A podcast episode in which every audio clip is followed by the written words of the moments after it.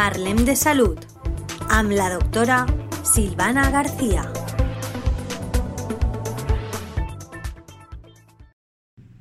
Buenas tardes oyentes de la Tegua Radio, otro jueves más juntos y ya sabemos que todo lo que pica lamentablemente lastima.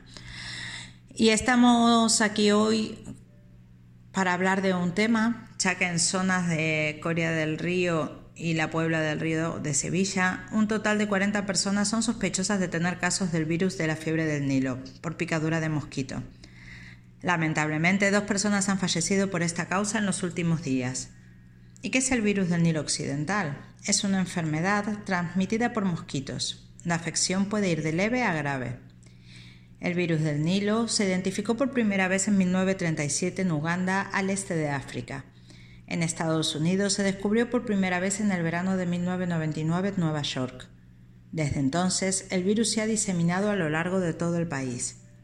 Los mosquitos son los que transportan la mayor cantidad de virus a principios de otoño, por lo que más gente contrae la enfermedad a finales de agosto y principios de septiembre. ¿Y cuáles son los factores asociados? Afecciones que debiliten el sistema inmunitario, tales como VIH-Sida, trasplante de órganos, quimioterapia reciente, edad avanzada muy temprana em, o embarazo. El virus del Nilo también se puede diseminar por medio de las transfusiones de sangre y los trasplantes de órganos. ¿Y qué síntomas tenemos? Los síntomas pueden aparecer entre el primer día y los 14 después de resultar infectado. La enfermedad leve cursa con dolor abdominal, fiebre, dolor de cabeza, dolor de garganta, falta de apetito, dolores musculares, náuseas, vómitos y diarrea, sarpullido e inflamación de los ganglios linfáticos. Estos síntomas pueden durar de 3 a 6 días, pero se pueden extender hasta un mes.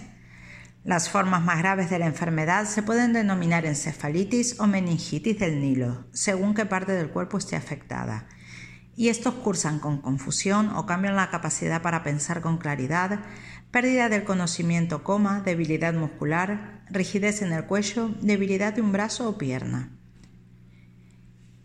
¿Y cómo hacemos el diagnóstico? Es posible que no haya hallazgos específicos en un examen físico. Casi la mitad de las personas con esta infección puede tener una erupción. Los exámenes para diagnosticar este virus son examen de sangre o punción raquídea para buscar anticuerpos en contra del virus, tomografía computarizada en la cabeza o resonancia magnética de cabeza. ¿Y qué tratamiento se le puede hacer? Debido a que no es una enfermedad causada por bacterias, los antibióticos no tratan la infección causada por este virus. Los tratamientos complementarios dedicados a, a mejorar lo que es la hidratación y el, o sea, sintomático, pueden ayudar a disminuir el riesgo de presentar complicaciones en caso de enfermedad grave. ¿Y qué pronóstico tiene? Las personas con una infección leve por este virus estarán bien después del tratamiento. El pronóstico es más incierto para aquellos con casos graves de infección. La encefalitis o la meningitis del Nilo pueden llevar a daño cerebral y la muerte. Una de cada diez personas con inflamación cerebral no sobrevive. ¿Qué complicaciones puede haber? Dentro de las complicaciones en la forma leve son muy raras.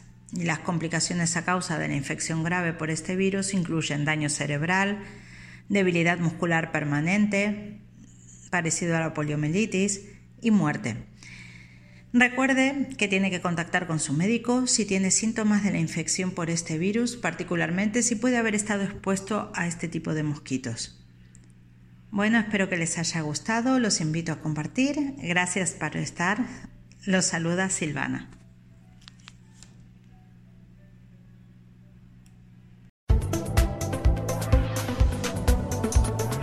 Parlem de Salud amb la doctora Silvana García.